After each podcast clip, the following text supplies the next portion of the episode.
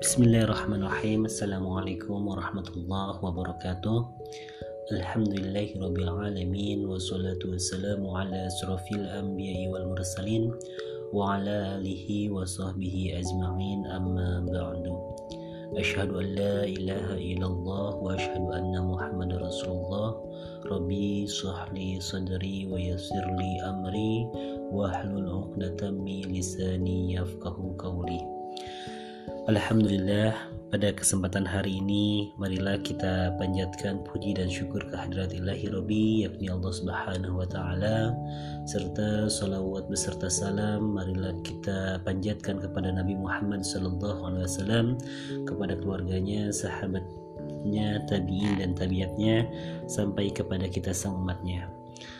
Alhamdulillah pada kesempatan hari ini kita akan membahas mengenai jawaban cucu Umar bin Khattab saat ditawari khalifah dunia atau pemimpin dunia.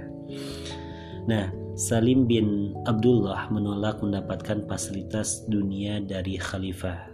Kalau zaman sekarang mungkin banyak orang berbondong-bondong untuk menjadi khalifah atau pemimpin, tetapi pada zaman Nabi Muhammad SAW atau era sahabat itu sangat berat sekali untuk menjadi pemimpin ya. Kadang mereka tidak mau karena amanah yang ditanggungnya itu cukup besar dan beban yang ditanggungnya juga cukup berat. Nah pada suatu hari seorang ulama besar Salim bin Abdullah sedang bertawaf sekitar Ka'bah Lalu dia berjumpa dengan Amirul Mukminin Hisham bin Abdul Malik yang terlihat gagah dengan kemegahan dunia yang menempel di badannya. Hisham adalah khalifah Bani Umayyah, tulis Syekh Ibnu Hasan Bisri At-Turjani dalam karya tulisannya Ulama yang Mukhlis. Hisham berkata kepada ulama besar itu, "Ya Salim, mintalah kepadaku apa saja yang engkau kehendaki, kata Hisam membuka pembicaraan. Kata Hisam, aku akan memberikan apa yang kau minta. Meski sebenarnya tawaran itu merendahkan derajatnya sebagai ulama, Salim tidak menghardiknya. Seorang wali ini menjawab dengan hikmah, Ya Amirul Mukminin, aku malu meminta kepada selain dari Allah dari rumah Allah, Masya Allah. Sesudah Salim bin Abdullah berada di luar masjid, ternyata Khalifah Bani Umayyah itu masih mengikutinya.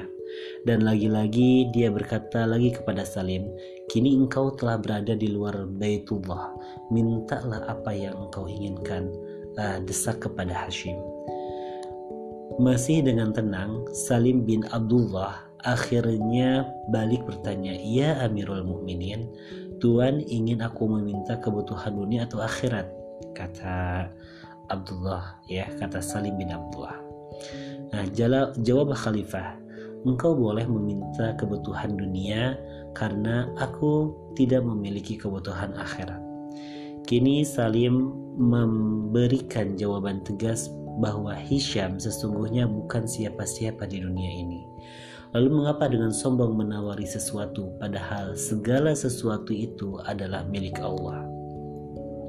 Ya Amirul Mukminin, kalau aku malu meminta soal kebutuhan kalau aku malu meminta soal kebutuhan dunia kepada Allah yang memilikinya, bagaimana aku akan meminta kepada Tuhan sedangkan Tuhan bukan pemilik dunia?